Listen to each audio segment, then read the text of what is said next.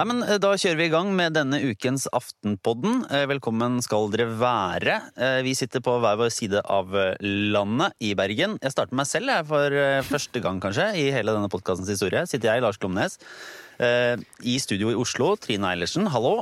Hallo! Hvordan går det med dere? Sara Sørheim, du sitter ved siden av. Ja, hei, hei. Det går fint. Du glemte å si at du faktisk er i Bergen, tror jeg. Nei, Glemte jeg det? Nei, Fortrengte jeg det? ja, Nei, jeg, jeg, du sier er det, jeg sier det ved enhver anledning, bare for å smiske med Trine. Ja, det må Eh, være og, fint da. og for å minne om at uh, det er en liten annonsering her, at eh, 4. september så er vi på livepodkast i Bergen på Ole Bull scene. Så det går an å fortsatt å få noen billetter til, tenker jeg. Herlig. Hmm. Eh, Så vi skal snakke litt om eh, det som skjer på Stortinget, for det er innspurt. Eh, Og så skal vi snakke litt om, om glasstaket. Er det knust en gang for alle? Det var veldig sånn Veldig samfunnsbevisst liten intro der. Og så har vi litt OR og ulik. Jeg kan jo starte, jeg er jo i Bergen fordi jeg er på Fortellingens kraft. Som ikke er en religiøs sekt. Men en journalistliten konferanse. Som egentlig er det samme, da, Lars. Det høres litt ut som livets ord. Den Fortellingens kraft. Det, er veldig, det høres litt pompøst ut, og kan være det også, men det er et veldig godt initiativ i Bergen om eh, fortellende journalistikk. Så det er kjempeinspirerende. Men i Oslo, eh, der er det Ikke så er det- inspirerende. ikke så inspirerende, nei. Er det, er det, er det, er det hverdag? Ja, det må jeg si. Det er øs pøs regnvær og ja, rett før vi skal i sommerfest i barnehagen i øs pøs regnvær, og sånn går nå dagene. Det er som å være hjemme i Bergen, Trine. Det Ja, er, ja. det Men det er jo faktisk eh, veldig mange som jobber veldig hardt denne uka. Noen av oss fordi det er sommerfester hver eneste dag, eh, som kanskje ikke er så mye å klage over. Men eh, som du var inne på, så politikerne på Stortinget jobber jo beinhardt for å bli ferdig før eh, den evig lange sommerferien sin. Ja. Og så har det jo skjedd et Fortsatt er jo ikke nyhetsbildet helt dødt, selv om det nærmer seg litt sommerstemning. Så det har jo faktisk skjedd i hvert fall én ting i dag, Ja, for nå har, nå har altså DNB kommet inn i rekken av store norske selskaper og eh, opplegg som har fått seg en kvinnelig toppsjef, er det så? Ja, rekke og rekke, men det er nå noen, da. Og det er Ja, det er jo altså- mm. Ja, nei, Det kom eh, pressemelding i dag. Det har ligget i kortene at eh, DNB skulle få ny eh, sjef. Rune Bjerke skulle gå av i løpet av 2020 senest, var visst avtalen hans. Og da har de jo lett Og hun her, Kjerstin Bråten, har jo vært nevnt og spekulert i og egentlig vært en favoritt, men i dag ble det kjent at det er hun, da. Og med det så har altså tre av de største børsnoterte selskapene i Norge fått en kvinnelig sjef i løpet av et halvt års tid. Drøyt halvår. Eh, Kristin Skogen Lund i Skipsted og eh, Hilde Merete Aasheim i Hydro, og altså Kjerstin Bråten i DNB. Og det må jeg si, Blant de største selskapene har det ikke vært kvinnelige toppsjefer. Så plutselig er det kommet tre. Det må jeg si en gledens dag for alle som er opptatt av den slags. Ja, Det er jo også et bevis Lars, på at eh, du spurte om det med glasstaket. Det har jo ganske lenge vært sånn at kvinner har vært sterke liksom, innenfor en del sektorer. Men særlig innenfor finans har det vært litt mer trøblete å få kjønnsbalanse. Og enda mer trøblete og nå liksom helt til topps. Eh, Og det er jo fortsatt eh, helt klart et stort stort flertall av mannlige toppsjefer. Men det er klart at det er symbolsk eh, ganske sterkt at en kvinne nå inntar toppplassen topplassen i Norges største bank. Ja, for ikke Eh, si Nordens, altså I markedsverdi er det vel Nordens største, største bank, så det er, jo, det er jo på ingen måte en, en tullejobb eller en tulledame vi snakker om her. Er det, hvis det går an å si noe om det, er det, er det et resultat av det på en måte, ytre press eller indre prosess for å dyrke fram kvinnelige ledere? Eller er det sånn helt naturlig at nå har bare verden kommet så langt at eh, alt er egentlig helt jevnt, og den beste kommer når frem, og det er uh, nå stort sett kvinner? Ja, altså Når jeg har lest om eh, både hun og de andre av disse eh, toppsjefene, da, så forteller jo de fleste de en historie om at de jo, har fått muligheter, gjerne internt i selskapet. Hun har fått i DNB. Rune Bjerke har vært obs på dette, jobbet veldig bevisst med å øke kvinneandelen i ledergruppene. Eh, har eh, sett henne, eh, løftet henne frem, gitt henne nye oppgaver, større og større oppgaver hele tiden. og egentlig eh, bidrar til å dyrke frem talent, og det er helt nødvendig å gjøre hvis du skal få mangfold og balanse. Og det er samme i Hydro med hun eh, eh, Aasheim som eh, kom opp som en litt sånn selvfølgelig arvtaker, hun også. Gått gradene, kan selskapet, vært flere steder i selskapet. Og det er jo litt det som, som jeg tror enkelte altså kanskje glemmer å undervurdere litt at når du skal komme opp i det sjiktet der du er aktuell for disse jobbene her, så du, da er det ganske mye som skal ha skjedd før du blir aktuell for det. Og du skal ha vært og hatt veldig tunge jobber i selskapet før det. Det er ikke bare en sånn Altså, Sånne jobber søker du ikke på. Nei, og det er jo eh, sånn som for DNB sin del nå, så kommer jo hun fra CFO-stillingen, altså finanstopp altså, Hva heter det på norsk? Finansdirektør. Takk. takk, takk. Husker det bare på engelsk. men, eh, men uh, ifølge også folk jeg snakka med internt, og så vidt jeg kan forstå, så er hun også veldig sånn anerkjent som den beste kandidaten til jobben. Og da stiller du jo veldig, veldig sterkt. Da er det jo ikke pga. hennes kjønn at hun at hun fått den stillingen. Og det er det vel ingen som ønsker seg selv eh, altså på noen kanter av det politiske spekteret heller. At du skal utelukkende få sånne jobber pga. at man er kvinne. Men uh, det er klart at når du faktisk er den beste, så har den jobben som du var inne på, Trine, starta for veldig mange år siden. Og de mulighetene hun har fått Kanskje er det en dør som åpna seg for henne for 15 år siden, sant, for alt jeg vet, som gjør at hun i dag kan ta det siste skrittet og innta toppjobben. Og det er jo det som er liksom, vanskelig å bare bestemme seg for å gjøre på et sånt overordna nivå. Det må, hvis du ønsker en sånn type, hvis du ønsker at kvinner skal ha samme mulighet som menn til å komme helt til topp, så må du sannsynligvis starte med folk som altså, Du må starte å utvikle ledere lenge før de selv vet at det er ledere de skal bli. Ja, så det er en jobb som varer lenge. Og du må starte i organisasjonen med en diagnose. Hvordan står det til her? Eh, er det godt nok? Er, de, er, det stort nok mangfold mellom de kandidatene som skal konkurrere om disse jobbene? Og for mange selskaper for lenge sa at nei, det er jo ikke det, men det, det går seg til etter hvert. Mm. Og, og, så plutselig så, så vi at ja, men kvinner de dominerer høyere utdanning, de, de kan masse og burde være aktuelle. Hvorfor er det ikke det? Eh, og så er det flere selskaper selskaper, da, inkludert disse som da har begynt å jobbe mye mer systematisk med det. Og det er det eneste veien. Eneste måten å gjøre det på. Og så er det jo faktisk, ja. Får det noen, uh, altså får det noen uh, synlige konsekvenser at det sitter en kvinne på toppen og ikke en mann? Ja, altså det, det, er jo et interessant spørsmål. fordi at Av og til så blir jo det litt kritisert, uh, denne her voldsomme fokuset på disse topplederne, disse kvinnelige topplederne, som jo du kan telle på to hender omtrent. Mm. Altså Hvor viktig er de for likestillingen, og hvor viktig er de for andre kvinner? og Burde ikke vi heller snakke om de som er, de som er mange flere langt lenger nede eh, på stigen? Uh, som vi selvfølgelig også skal snakke om. Men det er klart at symbolverdien av det og det å vise frem for andre selskaper at OK, vi klarer faktisk å plukke ledere fra alle i selskapet, altså alle kjønnene vi har i selskapet. Eh, mens noen selskaper må konstatere at vi klarer bare, å plukke fra ett. Er det et konkurransefortrinn? Nei, det er det ikke. Kanskje vi skal prøve å lære av de som får det til. Mm. Sånn at du får en, og, det, og, dette er jo et gode for kvinner lenger nede i organisasjonene, som er nyrekrutterte, som er mellomledere. Sånn at jeg håper jo at den smitteeffekten av dette, og tror på det òg, er mye sterkere enn akkurat det at hun får den jobben i dag. Mm. Og det er på den måten kanskje det med kjønn er viktigst. Er ikke, jeg, tror ikke at det nødvendigvis, nødvendigvis er sånn at kvinner leder på en annen måte. Eller at det går an å si noe som helst om at det, eh, hvem er best, kvinnelige eller mannlige ledere. Altså Det er helt sånn blindspor. Det handler ikke om at noen kvaliteter er bedre enn andre. Selv om jeg kanskje vil understreke, eller bare sånn i et parentes si at empati er greit å ha uh, som leder, og at det ofte er en kvinnelig egenskap. Kanskje ikke helt tilfeldig. Nei da. Ja, det, men, ja, det vet jeg ikke. Nei, vi lar det ligge. Men, eh, men, eh, poenget mitt var at det er jo ikke det at det er bedre eller verre å være kvinne eller mann. Poenget er at det beste sannsynligvis, og det viser jo også faktisk mange studier, er at du har ledergrupper og ledere som har forskjellige utgangspunkt, og som kan forskjellige ting. Og det er jo det som er noe av poenget, at når du bare ansetter folk fra én bestemt gruppe, så blir jo alle sjefene helt like, og det er dårlig for selskapet.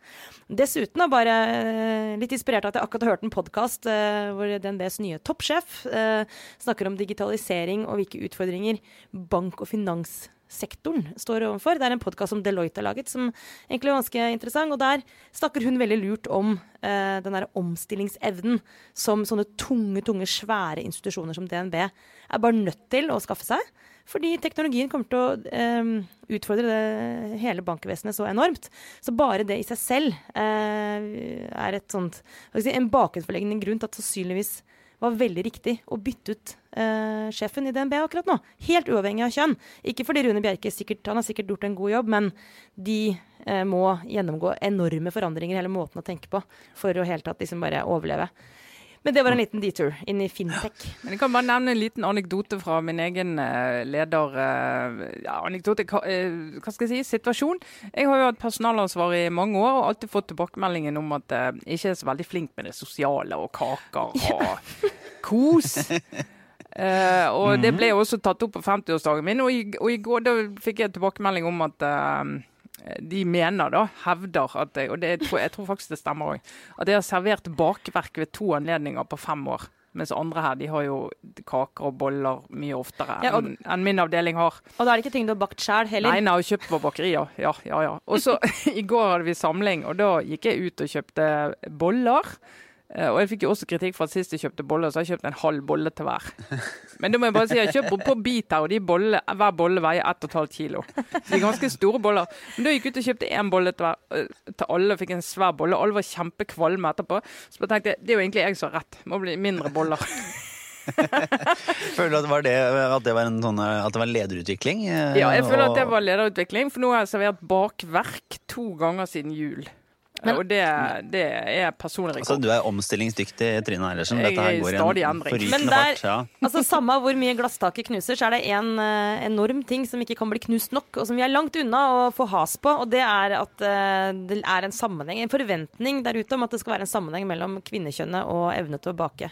Altså det er, eh, det er ikke, en, det er ikke en, en mannlig politisk redaktør ville ikke heller blitt møtt med et sånn unisont krav om å servere boller, Trine. Det mener jeg, der er det, for det er, det, det er reelt. Har Der du er det statistikk fortsatt. På hvor ofte Harald Stanghelle kjøpte inn eh, søtt bakverk til, eh, til sine da han styrte skipet? Jeg har en følelse av at han outsourcet mer. Jeg har jo outsourcet veldig mye sosialt til Joakim Lund, så han må ta alt det der. Så det, Ja, da, er det, da er det trygge hender. Ja. Nei, men se. Eh, I Stortinget, nå er det omtrent Hvor lenge er det de har igjen nå før det er sommerferie? Nei, det er En liten uke, Ja. er det det? Ja, Altså, de Ja, er det i ferd er med mye å her begynner snart de oppsummerende pressekonferansen her. Ja. ja. ja. Det er et, selvfølgelig en eh, vakker, eh, vakker liten hendelse. Ja. Men eh, nå er de i hvert fall i gang i dag torsdag, så skal de både det ene og det andre. De Ja, i dag eh, ja. er jo en dag som er litt sånn eh, Den politiske situasjonen satt litt på spissen i Stortinget i dag. Eh, For det- de ruller og, og kjører gjennom en haug med saker og vedtak i, i disse dager. Men i dag så er det særlig to saker som de skal diskutere og vedta. ene er Venstres eh, gjennomslag i regjering om å legge ned pelsdyrnæringen innen 2025. Og det andre er jo abortinnstramningene til KrF. Så det er liksom disse små partiene i regjeringen sine store gjennomslag. eh, Så de er nesten alene om å mene det de mener. eh, Som skal diskuteres i dag, og det er jo dette er vondt og vanskelig. Og bakteppet er at Frp står og sier at de skal ha store gjennomslag på bompenger. Som KrF og Venstre ikke vil. Og de vil i hvert fall ikke tape disse sakene. Og det kommer de nok heller ikke til å gjøre. Nå skal de stemme senere i dag, så det skal ikke være bombesikker. Men det har vært eh, mumling om at eh, folk i Høyre og Frp vil bryte ut og stemme mot eh, denne innstillingen på pelsdyr. Eh, og da kan det rakne, for det er jo ikke flertall i Stortinget for det. I dag, på det grunnlaget. Men det er så rart hva som blir kampsaker. Jeg skjønner ikke, altså Pelsdyrnæringen var eh, Det er rett og slett eh, det, det forslaget er at man ikke lenger skal kunne liksom, ha dyr Oppdrette og lage klær av dem. og lage Ja. pels av det, ja. Og Ja. så, så er det 167 pelsdyrbønder eh, igjen. Eh, Og diskusjonen handler for så vidt Det er jo mange som er uenig i at det skal legges ned. Nå Arbeiderpartiet er uenig i det, og så alle miljøpartiene er enig i det. Høyre er helt uenig i det, Frp er helt uenig i det, Senterpartiet er voldsomt Ja, uenig i det. Eh, men eh, sant, Høyre og Frp de har jo gitt dette til Venstre. Det var en av de største seirene for Venstre i Jeløya-erklæringen. Eh, og så de, de må beholde den seieren. Men det som krangelen handler om nå, det er hva kompensasjon disse pelsbøndene skal få. Ja, Men herlighet, unnskyld meg, hvorfor skal det kompensere kan, Altså Nei, fordi staten går inn, i en nær, inn til noen som driver en næringsvirksomhet og sier Ja. nå skal dette bli forbudt. De har lånt penger, de har bygd eh, bygninger, de har lagd anlegg. Eh, og så De kan ikke bare høner. rive hele virksomheten under beina på dem og si at eh, du får nå lykke til, du får prøve. De kan begynne å jobbe som bompengevakter. Bompengevakter, ja. Nei, de har, så det, eh, heftig, har vært en heftig diskusjon om nivået på denne kompensasjonen. og Nå har det kommet et eh, forslag da, fra mm, Høyre og Frp eh, og de andre at eh, greit, vi gjør det sånn som vi har planlagt, men vi er nødt til å evaluere og se om det, om det får urimelige utslag, og eventuelt justere det. Så håper de at det skal sikre at de får flertall for det. For det er klart, Hvis de ikke får det Trine Skei Grande snakket litt om det i Aftenposten nå i, i går. Eh, Det er svær, altså veldig sterke spenninger inni regjeringen nå med den bompengesituasjonen til Frp og disse sakene, eh, denne pelsdyrsaken, som er særlig blitt vanskelig nå.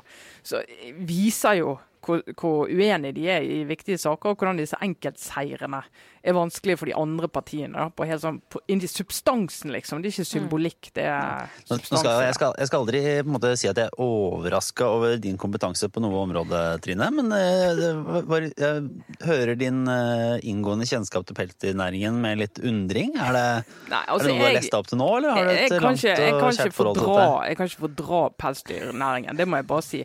Og grunnen, altså Det er jo mange grunner til det, men jeg, jeg hater mink. Altså sånn som i dyremink? mink? Dyremink! Dyret mink! La meg fortelle litt om dyremink. Det ble importert til Norge i 1927 fordi at noen skulle oppdrette mink. Og så rømte en mink. Nei. Og klarte å skape seg et samfunn. Og fra at Norge var minkfritt, så er det nå mink over hele landet. Mink er et skadedyr, det er en lystmorder. Det er altså et grusomt dyr som aldri burde vært i Norge. Herregud, da må det være for at man bare slakter dem og lager pels.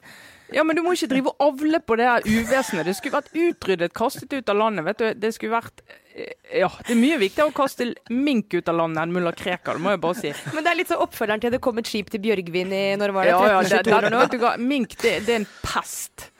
Og det, det går, hvis det, hvis det finner et eh, si et rede med egg i, så dreper det alle eggene i, bare på gøy. En oter ville jo bare spist et egg fordi han skulle bli mett, men dette er en lystmorder. Fælt dyr. Fælt dyr. Mink må Uff. Og dette er helt Jeg trodde både ditt motstand mot mink du var liksom prinsipielt eller etisk mot minkkåper. Men det er ikke Ja, nei, liksom jeg går, jeg, går, jeg går ikke med pels er Det er skapningen men mink. skapningen mink er uh, Uff. Er, er dette Dette er altså, har- sterke følelser om. Jeg har selvfølgelig møtt mink. Ja, Har du blitt utsatt for et overgrep har, av mink? Nei, det har jeg ikke. Altså, det, det er mink for de er, går jo rundt i det fri, noe de aldri skulle gjort. De skulle aldri vært ute i naturen. Eh, så de er eh, rene skadedyr, og de kan angripe hunder og katter og sikkert mennesker òg. Skulle ikke forundre meg. Nå kjente jeg at det sneik seg en liten altså, Dette kan Ja, danne ekle- grunnlaget for en slags altså, minkfobi. Sånn Jeg syns du skal utvikle en minkfobi. For det, Ja. minken skal vi En ting er at du får lagt ned pelsdyrnæringen, det er nå så. Men hvis vi kunne klart å utrydde den nasjonalt, så er det, mener jeg det må være nesten Men du, målsetning. her har jeg så følelse at du kunne fått med deg Senterpartiet som kompensasjon. De er, for, ok, Vi måtte legge ned pelsdyrnæringen, men vi kan få utryddet en dyreart for dere, så kan, Ja. Eh, kan det hjelpe Ja. litt. Ja. Ja, ok, Det er, sånn, det, samme, det er liksom samme aggresjonsnivå som du bare finner i, i, sånn, i bompengespørsmål nå. Og i den derre sånn Sitka-gran er det også noen som er Ja, der, eh, jeg har akkurat samme engasjement der, men det skal ikke jeg snakke om nå. Jeg hater sitkagran. Også- Men her er det, jeg har samme følelse for mink og Sitka Gran som Senterpartiet har for ulv. Det kan du bare Ja. vite. Det er helt, du er helt på samme nivå. Og de som bare klarer å forstå følelser, forstår man også veldig mye av, liksom, av politikk. Ja, det er vel egentlig oppsummeringen her. Og det Ja. at, at du kan være mot ulv, men for mink i Norge, sånn forstår ikke jeg. Jeg forstår det ikke. ja, nei, eh, Ok, så hva, Hvor eh, endte vi opp nå pelsdyrnæringsmessig? Altså, Ja, Pelsdyrnæring den kommer til å bli avviklet. ja, ok. Ja, Og det like greit. 2025. Men eh, det, altså, abortsaken, nå er det en Nå er det bare Ja, det Ja, går gjennom i Stortinget, sånn- det er over. Nei, da, ja, for det har vært litt sånn rasling med sabler. At hvis liksom vi skal begynne å være veldig Frp, sant? hvis dere skal begynne å være veldig vanskelige med disse bompengekravene våre, så er det klart at vi har ikke veldig lyst til å stemme for disse abortinnstramningene. Altså, det har vært sånn det ligger litt eh, i kortene at de nå begynner å presse hverandre litt. da. Og det intervjuet som Trine Skei Grande hadde hos oss i går, det er jo ikke tilfeldig. Nei. At det kommer nå og sier at nå er det vanskelig i regjeringen, det er tøffe, tøffe tak. Og det er jo for å markere at eh, de er nærmest et bristepunkt eh, Og da i en del man av disse sakene. Ja, da blir man vel liksom, Dette får jo konsekvenser. Da blir man litt mindre raus også, nettopp for å la de andre få, en, få den seieren, da. Som jo egentlig kanskje oppsummert vært så langt eh, Solbergs måte, på suksessoppskrift nummer én. At den derre å være raus, kanskje i overkant uh, flegmatisk innstilt til uh, at jeg får litt rom til å markere litt og sånn. Med en gang det begynner å ryke, så blir det jo veldig, veldig vanskelig å holde dette her samla. Ja, og bare for å si generelt på målingene uh, nå, så en av de som vi må passe, være obs på nå, de er jo Høyre, som har klart å holde seg greit. Men nå er de, trenden er at Høyre taper og faller. Sånn at eh, det rammer nå Erna Solberg på en helt annen måte enn har gjort før. Denne uroen og denne uenigheten i regjeringen. Hun får ikke det der ekstra plusset som hun har fått ved å være statsminister og ved å ha stor tillit der ute. Velgerne er liksom begynt å En del av de begynt å miste litt troen på, på prosjektet, da. Men er det sånn, nå, bare nå her, Denne siste uka har jo stort sett vært litt langhelg og diverse andre ting. og konferanse. Lars. Ja, så, så, det her er mer et spørsmål jeg har stilt meg. fordi da dukka opp sånn ja, ok, er, er regjeringen i ferd med å sprekke? Og så er det sånn, det er vanskelig å se for seg at eh, Frp, som vi har snakka om forrige uke, skal gå ut på bompenger. Men så blir jo spørsmålet etter hvert, hvis Venstre ligger på 2% på målingene, KrF ikke tjener noen ting, Høyre begynner å falle og Frp eh, gjør det dårlig og utfordres av bompengepartiet, eh, så, så er det jo et større spørsmål om de bare tenker at ok, nå er vi faktisk på nedadgående kurve. Nå, nå, er egentlig alle innforstått og godt forlikt med at det brytes opp. Her, har, vi noe, har, vi noe, annet enn min eh, interne spørsmålsstilling på akkurat den der, eller er det Nei, altså, det var, det var en jeg snakket med som sa at ok, vi, vi kan ikke begynne med det nå før valget. Vi må vente til mm. etter valget. Men at valget blir, altså hvis alle disse gjør et forferdelig kommunevalg, da, så vil det utløse en del diskusjon i flere av de partiene, altså. Men uh, ja. Det blir egentlig veldig spennende til kommunevalget å være uh, høstens runde. For det kan jo få store konsekvenser selvfølgelig også for uh, regjeringssamarbeidet, ja, åpenbart. Mm. Ja, Men en, en, som, eh, en som i hvert fall har kunnet puste litt lettet ut denne uka, er jo Gøran Kalmyr, justisminister. For UDI bestemte seg for å snu, og mener nå at det ikke var noen store problemer, eller i hvert fall ikke noe som skal få konsekvenser for au pairen som i utgangspunktet ble sendt ut av landet. Ja, og, og det... ting synes å falle på plass. Alle er enige om at dette ikke er noe problem. Eh, så ut han er ferdig med den saken. Eh, det er jo uenighet om hvorvidt vi skal ha aupairordningen i det hele tatt. Men når vi først har den, så ønsker vel alle at du skal ha så ryddige og ordentlige regler som mulig. Og den som har hatt problemer, er jo ikke først og fremst Jøran Kalmyr, selv om det selvfølgelig er usedvanlig uheldig for han å få en, en sak der UDI, en underliggende etat, uh, mener at han er med å bidra til et lovbrudd, eh, som de jo eh, mente i sitt første vedtak, som de nå har omgjort. Eh, men det er jo for denne au pairen, da. Som har forholdt seg til regler som noen da trodde var klare og tydelige. Hun og aupairbyrået og Kalmyr, som jo de sier at ja, det, de er klare og tydelige, så de har dere brutt. Men så de nå sier at ja, de er fremdeles brutt, for det sier de jo. Reglene er brutt. Mm. Au pairen har ikke lov å flytte inn hos vertsfamilie før hun har vært hos politiet og levert søknad om nytt opphold. Og selv om det er lang ventetid hos politiet, så er det liksom UDI sin holdning at mm, det får politiet ordne. Vi er bare nødt til å ha disse reglene sånn at ikke denne ordningen misbrukes enda mer.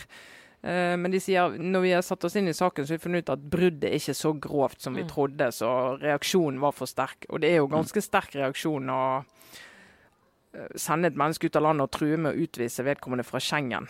Ja. Det, det, er veldig sterk reaksjon, så det men, har de trukket mm. tilbake. Eh, er dette sånn at man ser i etterkant at eh, dette egentlig ikke var noe sak? At Aftenposten som skrev om det først, bare kunne latt det være? Eller burde latt det være? Det er, det er noen som mener det, i uh, Frp bl.a., som jeg har hatt kontakt med. Men det var åpenbart en sak når UDI, Utlendingsdirektoratet, sier at justisministeren har vært med på å bryte loven, utlendingsloven. Det er en sak. Mm. Og så heldigvis så har både vi og andre redaksjoner jobbet ganske grundig og ordentlig med å finne ut av alle nyansene i denne saken, og finne ut hva som er kjernen og hva dette handler om. Eh, sånn at eh, denne påstanden om at det har vært en heksejakt på Jørn Kalmy, det kjøper jeg bare ikke. Det har det ikke vært. Ganske tidlig kom det frem at dette var for så vidt ganske forståelige misforståelser, hvis det var det. Og det bekreftet jo Frode Forfang, sa reglene sånn som de er, men det går an å forstå at de ble tolket sånn. Mm. Sånn at det har vært en uh, nyansert sak. men nødvendig å skrive om, ja. Og så er det ikke noe tvil om at den saken fikk mye større oppmerksomhet enn den ville ha fått hvis ikke eh, justisministrene fra Fremskrittspartiet den, har den historien. Eh, og at han er nummer hva er det, nummer sju eh, i, i, rekka og sånn. Men, og da kan man si sånn her, nei, man skal se hver sak for seg selv, og han skal ikke måtte lide for at hans kollegaer tidligere har gjort feil så, eller har vært utsatt for andre saker og sånn. Det er riktig. På en annen side så ville det vært veldig, veldig rart om ikke det bakteppet også slo inn, og det er det helt naturlig at de gjør. Eh, men, men, jeg ser jo at i dekningen så var det Jeg kan snakke for vår egen del i NTB, da, at det var vi hadde sånn høy bevissthet rundt å passe på å ikke lade de nyhetssakene for mye. Fordi ja, det er det bakteppet, men, men tok ut en del setninger som, liksom, vi, som bare havnet inn i saker fordi begynte å dra opp masse forhistorier rundt andre justisministre. Som, som hvor etterlatt inntrykk kanskje blei at Kalmyr hadde gjort en større feil enn det han har gjort osv. Mm. Dette handler om balanse. Men, eh, men um, statsråder er uansett i en situasjon hvor det de gjør, blir liksom sett på og vurdert på en helt annen måte enn de fleste andre. Og det, det er liksom ja. Opp, det kan åpenbart også være heksejaktproblematikk rundt en statsråd, men uh, da skal du på en måte ha litt mer er, Da snakker vi en helt annen type dekning enn det som var tilfellet her, da. Selv om jeg nå veit at jeg gjør det som jeg egentlig hater at redaktører gjør, som er sånn Nei da, vi har ikke gjort noe feil, vi har uh, en grundig vurdering, og vi har vært kjempeflinke. Men, men uh, at det blei litt mye blås rundt den saken, det tenker jeg det, er, liksom, det må de faktisk glemme. Ja. Men eh, da går vi videre inn i litt eh, obligatorisk refleksjon. Eh, har du noe på lager, eh, Trine, før du går inn i bursdagsfeiringshelgen din? Nei, jeg er kun opptatt av min egen feiring. Så jeg, jeg, har, eh, jeg, har, ikke mer. Jeg har en familie som har ligget flat med omgangssyke i oppkjøringen til feiringen min, så jeg, eneste jeg er opptatt av, at ikke jeg skal få omgangssyke. Ja. Så det, det er horisonten jeg har. Ja, det, er, det, er, godt du har et, det er godt du har et hvitt blikk på det norske samfunn. Og Jeg som faktisk har, for det er faktisk en sykdom, jeg har faktisk fobi eh, for omgangssyke. Så jeg, jeg, sitter veldig langt unna Trine og håper nå at denne sendingen skal resultere i at jeg isteden utvikler en fobi for mink. Som jeg tror vil være mindre plagsomt i, i hverdagen som småbarnsmor. Men eh, det, er, det, er, flere andre Trine som håper at du holder deg frisk gjennom helgen, i hvert fall. Av ja. andre grunner òg. Åssen er det med deg, Sara? Jo, nei, Hva altså, tenker du på? Jeg tenker på, jeg tenker på min egen navle som alltid. Mm -hmm. Eller vår navle. Altså, jeg er jo egentlig besatt av uh, triangelet politikk, eh, media og PR-folk. Det syns jeg jo alltid er gøy å være. Selve Bermudatriangelet i, i norsk offentlighet. Uh, samrøresuppa eventuelt, for nå er vi inne i den derre uka med, eller ukene med disse sommeravslutningene. Hvor jeg, som jeg sa forrige uke, har valgt en strategi som er å gå på så mange fester som overhodet mulig, og dermed bevare min objektive, nøytrale posisjon som journalist. integritet. Mm. Mm -hmm. Så, eh, men, men, litt sånn spunnet ut av dette, så er eh, den, den saken jeg har mora meg mest med denne uka, er jo denne helt herlige cockfighten mellom eh, to av de største sånn PR-kongene, kanskje de to største faktisk, i norsk offentlighet, som har krangla denne uka. Eh, blant annet da eh, om Eh, hvorvidt Hans Gelmøyden, altså grunnleggeren og, og, og, sjefen over alle sjefer i Gelmøyden Kise, hvorvidt Hans skulle få lov til å komme på sommerfesten til Kruse Larsen, eh, som altså er grunnlagt av Jan Erik Larsen, tidligere First House-partner, og tidligere for det igjen veldig veldig nær rådgiver til uh, Jens Stoltenberg. Um, DN har selvfølgelig dekket denne krangelen mellom de to eh, på et detalj minutt, minutt for minutt. Eh, og det siste saken nå var altså Hans Gelmøden fikk ikke komme på, som, på sommerfesten til Jan Erik Larsen. Men hva er kjernen i krangelen? Altså, nå spør du godt. Uh, jeg kan prøve å redegjøre for det, men det er litt sånn, det er en konkret ting den, som, det er liksom, Et eller annet som er utløst, ja. Den krangelen akkurat nå er utløst av at uh, det var en debatt uh, hvor Hans Gelmøyden slang ut av seg en del kritikk, bl.a. særlig mot Jan Erik Larsen, knytta til og det var i forrige uke, knytta til Og også Gelman har skrevet en bok hvor dette kommer frem, da denne kritikken, at PR-byråene henter tidligere politikere det gjør de jo. Eh, og ansetter dem, gir de masse penger. Og er med på å undergrave eller, eller altså Det han eh, på en måte insinuerer, da, for det er ikke så direkte han sier det, men insinuerer at den koblingen mellom PR-byråene og politikken er ufin, og at den skaper bakkanaler som de ikke er åpne om. Og at det for kundene sin del blir veldig vanskelig å forstå hvem er det denne PR-rådgiveren jobber for? Er det eh, meg som kunde, eller er det egentlig sine gamle kontakter i politikken? Og da er det jo særlig både First House og også Kruse Larsen som fikk liksom kritikken da, fra Gelmøyden. Det var egentlig det som var utgangspunktet. Men det er jo en, Og så ble det en krangel mellom de nå, men dette går jo tilbake til at liksom, de har sikkert hata hverandre i Eller altså, jeg bare antar. Dette her er min antakelse. Men at de her PR-toppene, de har krangla og hata hverandre i så mange år at det er litt sånn eh, Nord-Irland Altså det er sånn Gud vet når det starta, liksom. Men, mm, mm. men, det som skjedde, da Herregud, beklager dere, dette kan jeg snakke om lenge, kjenner jeg. Og det er begrensa hvor interessert andre mennesker er, kanskje er i det. Men uh, det, det, som også var litt gøy, var at uh, friend of the pod, uh, Sigbjørn Aanes, altså kasta seg inn i denne debatten i DN. Og delte villig vekk masse kjempegøye detaljer om at han, som da får kritikk for å komme fra politikken til PR, eh, da han slutta i Høyre, eh, ble tilbudt jobb i GK. Og fire millioner kroner for å begynne der. Av den samme Gelmøyden som kritiserer alle de andre for å kaste penger etter. Altså, skjønner dere? Ja. ja. Det er jo utrolig, det er også fint at de, har jo en, de kommer jo inn med en sånn, hva skal man si da, eh, middelaldrende hvit mann-selvtillit, som gjør at de tar dette til nivåer som vanligvis ellers eh, fins på det er jo, Barnehagemetaforen er jo gammel, men at det er liksom, du får ikke lov til å komme i selskapet mitt. Eh, det er jo ikke Altså- sånn Det er ikke den, der, det er ikke den store forrige ukes debatt om sånne intellektuelle som hever på en måte debatten. Og så er vel dette ikke Det et eksempel på akkurat det. Ja. jeg- vet at jeg, dette er dårlig gjort å si, men jeg, er likevel, jeg sier det likevel. Det er jo fristende å stille seg spørsmålet Kan dere se for dere i det hele tatt muligheten for at noen kvinner ville sløst bort både sin egen tid og andres eh, spalteplass på en sånn type krangel som det her? Nei, og vet du, En av grunnene til det, det er at hvis du Det mener jeg faktisk uten å Ja, jeg bare gjør det. Altså, Hvis en Ja. kvinne hadde ledet så mange ansatte som de leder, og du vet at noe av det som ligger i ro- rollen, er at du skal være et forbilde, faktisk. Altså forbilde på den måten at du, du skal oppføre deg på en måte som de ansatte kan Ja. kjenne seg igjen i, og så skal speile det du ønsker at de skal gjøre. Du vil jo ikke ha folk som holder på sånn. Altså, Det er jo en helt useriøs måte å representere selskapet på. Det går bare ikke an. Nei, Så altså, Mm, da eh, tror jeg at vi går eh, Hva videre prøver du å avslutte i- denne Ja. refleksjonen, Lars? Nå, Ok, da. Kjente jeg var litt sånn det var- i minkhumør her. Nok, ja.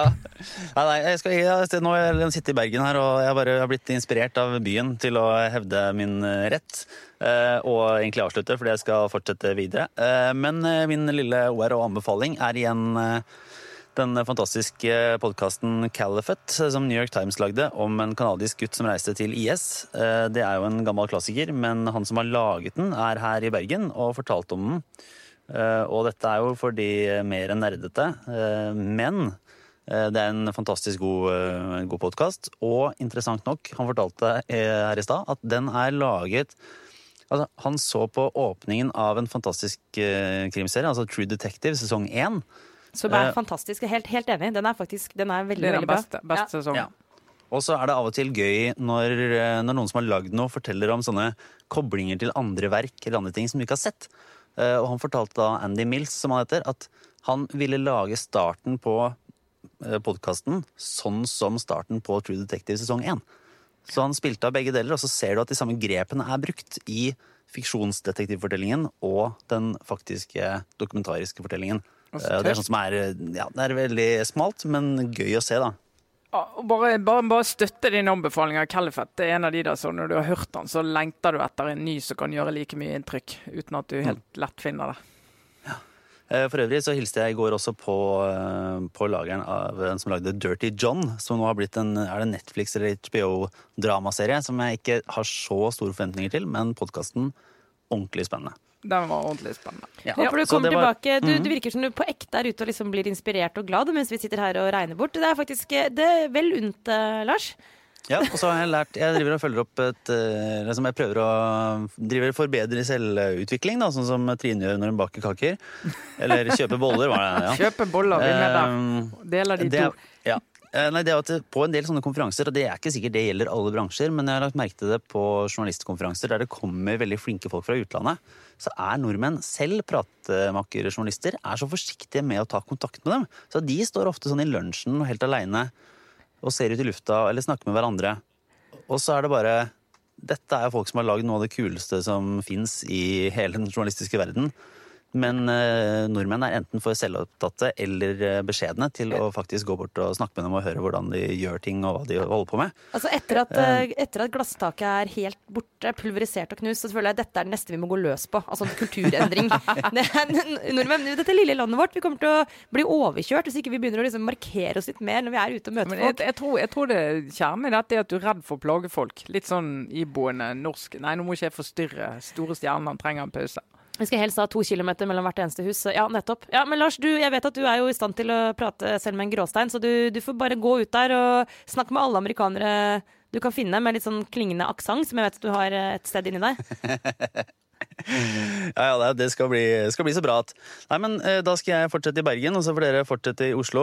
Holde dere unna sykdom og alt mulig rart, og så ses vi i helgen. eh, Trine, du får varme opp til bursdagsfest og selskap. Absolutt. Så tar, vi tar imot alle gratulasjoner på Facebook-siden. Der vi også deler Jeg kan dele noen lenker til de podkastene og annen moro. jeg. Bra. Eh, Det var vel det for denne uka. Takk for oss i sånn eh, profesjonelt å si sånn, i Bergen. Lars Klomnes i Oslo. Trine Eilertsen og Sara Sørheim. Takk for nå. Det var Aftenposten. Ha det bra.